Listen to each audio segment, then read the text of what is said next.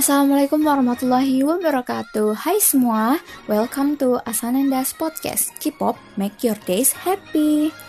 Kabar kalian gimana? Semoga senantiasa sehat ya teman-teman.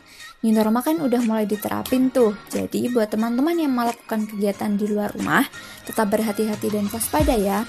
Taati protokol kesehatan agar tetap aman hidup berdampingan dengan COVID-19 jadi pada kesempatan kali ini, Nanda pengen mengulik tentang salah satu lagu bintang dunia, BTS.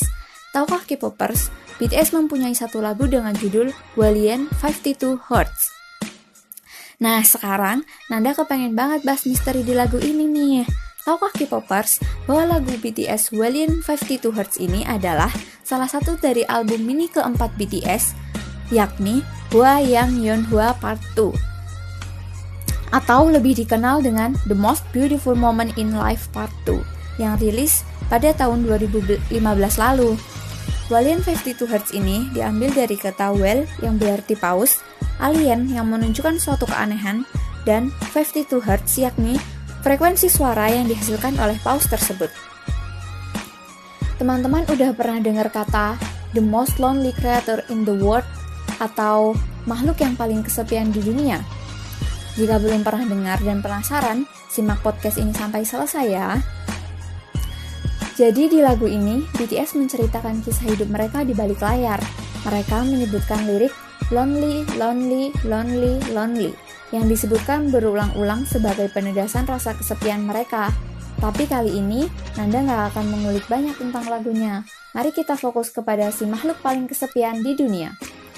Paus adalah jenis hewan yang hidup berkelompok, tapi yang kita tahu, Paus 52 Hz ini hidup seorang diri tanpa kawanan.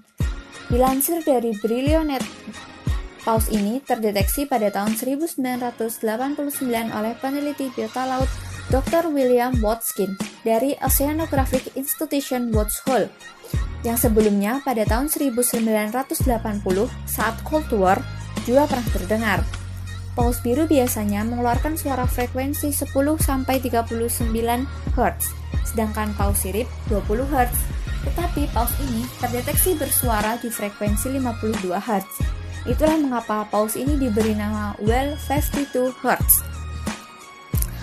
Paus ini juga diduga tidak bisa mendengar suara panggilan paus lain, dan sebaliknya, paus lain juga tidak bisa mendengar suaranya karena suara yang mereka keluarkan berada di frekuensi yang berbeda. Seumur hidupnya, ia hidup sendiri tanpa bisa mendengar dan didengar oleh paus lain. Mulai tahun 2014, paus 52 Hz hampir terdengar setiap tahunnya. Karena kondisi yang mengenaskan ini, masyarakat menjadikan Well 52 ikon dari pengasingan, bagaimana menjalani hidup sendiri karena keterbatasannya. Banyak sekali orang-orang yang membahas Well 52 Hz, termasuk di platform YouTube, salah satunya akun YouTube Dark dengan judul Paus 52 Hz, Misteri Bawah Laut yang belum pernah terpecahkan hingga sekarang.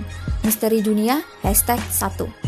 Dia mengatakan, dari tahun 1992 sampai 2004, sebelum Dr. William Watkin meninggal, dia selalu mendengar suara 52 Hz ini dari paus yang sama setiap tahunnya, terutama di bulan Agustus hingga Desember, namun mulai Januari hingga Februari suara tidak terdeteksi karena paus perlahan bergerak menjauh dari jangkauan mikrofon. Beberapa penelitian mengatakan bahwa paus ini adalah gabungan dari paus biru dan paus sirip. Ada juga yang mengatakan bahwa paus ini mengalami kecacatan, sehingga menghasilkan frekuensi suara yang aneh dan berbeda dari paus ya pada umumnya. Bahkan ada yang mengatakan mungkin paus ini tuli, yang masih menjadi misteri hingga sekarang adalah Paus 52 Hz ini belum pernah ditemukan dengan pasti keberadaannya. Bahkan hingga akhir 2019, Paus 52 Hz ini masih terkadang terdengar. Yang lebih menjadi misteri lagi, kita sampai sekarang juga nggak tahu paus ini masih hidup atau udah nggak ada. Ada juga yang masih kebingungan antara paus ini ada memang hanya satu-satunya di dunia atau mereka memang hidup secara sendiri-sendiri dan tidak berkawanan. Ya, sekian podcast dari Nanda kali ini. Semoga dapat menyembuhkan rasa penasaran kalian. Maaf jika banyak salah dalam podcast ini. Sampai berjumpa lagi lain kali. Wassalamualaikum warahmatullahi wabarakatuh.